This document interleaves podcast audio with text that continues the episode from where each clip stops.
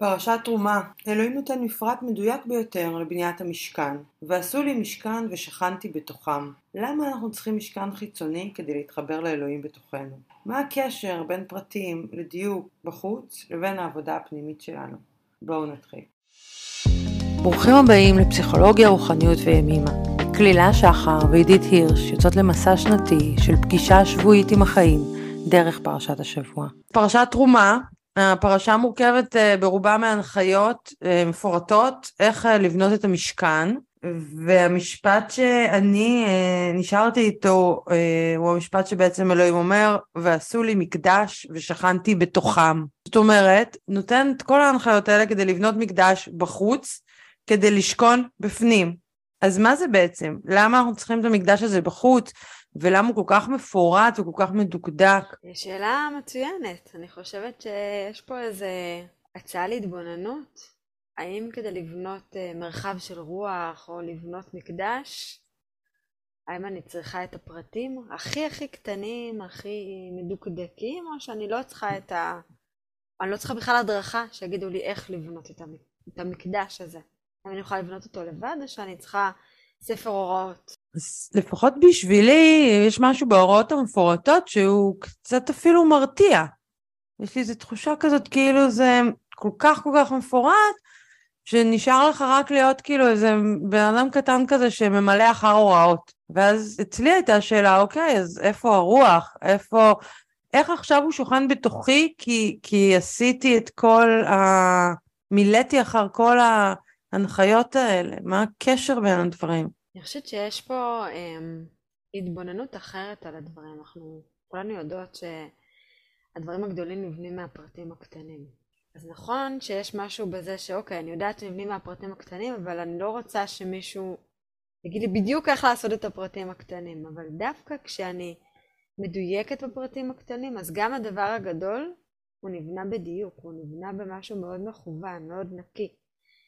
כי אם אני, כל אחד יעשה את מה שנראה לו, אז יום אחד אני אזייף, יום אחד אני אפספס, יום אחד אני אמסמס כי אין לי כוח, כי אני עייפה, ויש משהו בזה שהדברים ברורים, הדברים אה, צריכים להיעשות כל יום ככה, שהם בונים איזה תבנית שחוזרת על עצמה, שמצד אחד היא יכולה להיתפס כמשמימה או כמשעממת, ומצד שני היא בונה כלי שהוא יומיומי, שהוא תמידי, ועל זה אני יכולה לבנות קומות נוספות.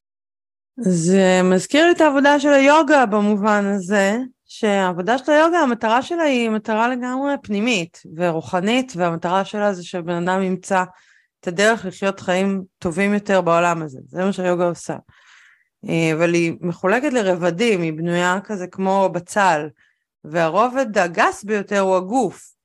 ובכל מה שקשור לגוף, כן, יש מלא מלא הנחיות. זאת אומרת, כל תנוחה, כל אסנה, מורכבת מהמון הנחיות מאוד מדוקדקות, יש זרמים שיותר מדקדקים ויש זרמים שפחות, אבל כן, זה כאילו בנוי, דר... כאילו אתה צריך לעבור דרך השלב הזה כדי להתקדם הלאה, כדי שהכלי שלך או הגוף שלך יתאים לזה. זה, זה לפחות ככה יוגה רואה את זה, זה מעניין שאולי גם המשכן הוא כזה.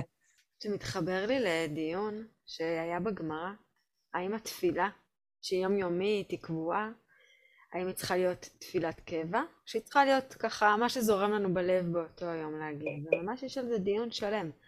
ובסוף התשובה היא אמביוולנטית, כי מצד אחד יש עוצמה לדברים הקבועים האלה, מצד שני אנחנו לא רוצות שהדבר הקבוע יהפוך להיות משהו שהלב שלי לא מונח שם.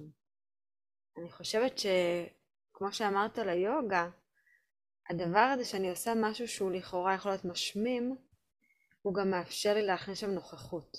כי אם אין לי את הבסיס הזה שהוא אמנם משמים אבל הוא יומיומי, אז גם הנוכחות שלי היא כל הזמן תזוז מעומס המשימות של היום-יום.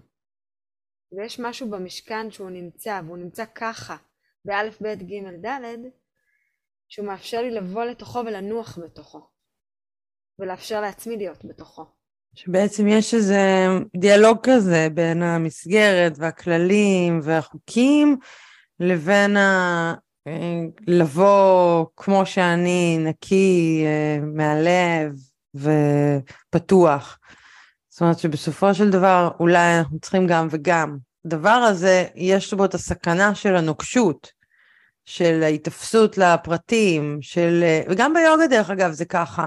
אני יכולה לחשוב שהדבר הכי הכי חשוב ביוגה זה הזווית של הכף רגל שלי, ואני, ואני יכולה להיתקע שם, אני יכולה להתעסק בזה עד אינסוף, כן? כי, כי, כי זה מה שהפרט או הדיוק יכול לגרום לי לעשות.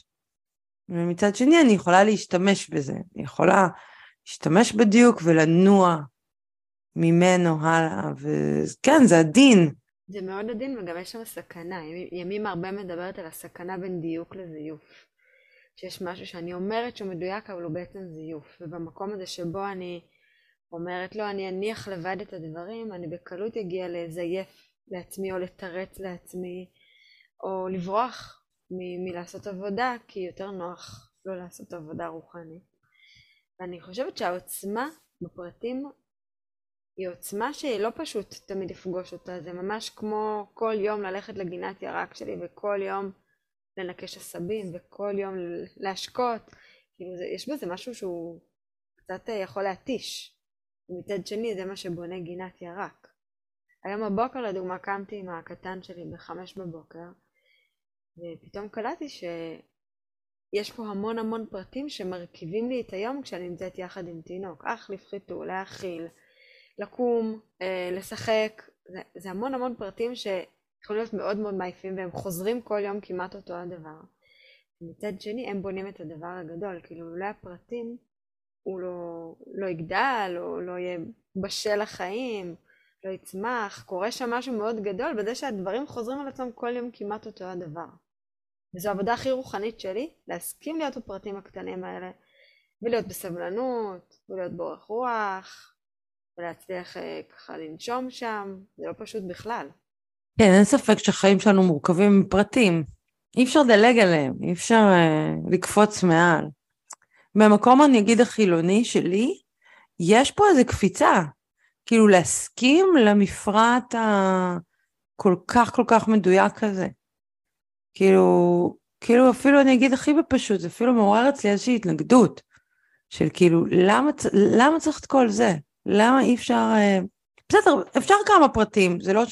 הסכמנו שצריך פרטים, אבל יש פה משהו נורא מדוקדק.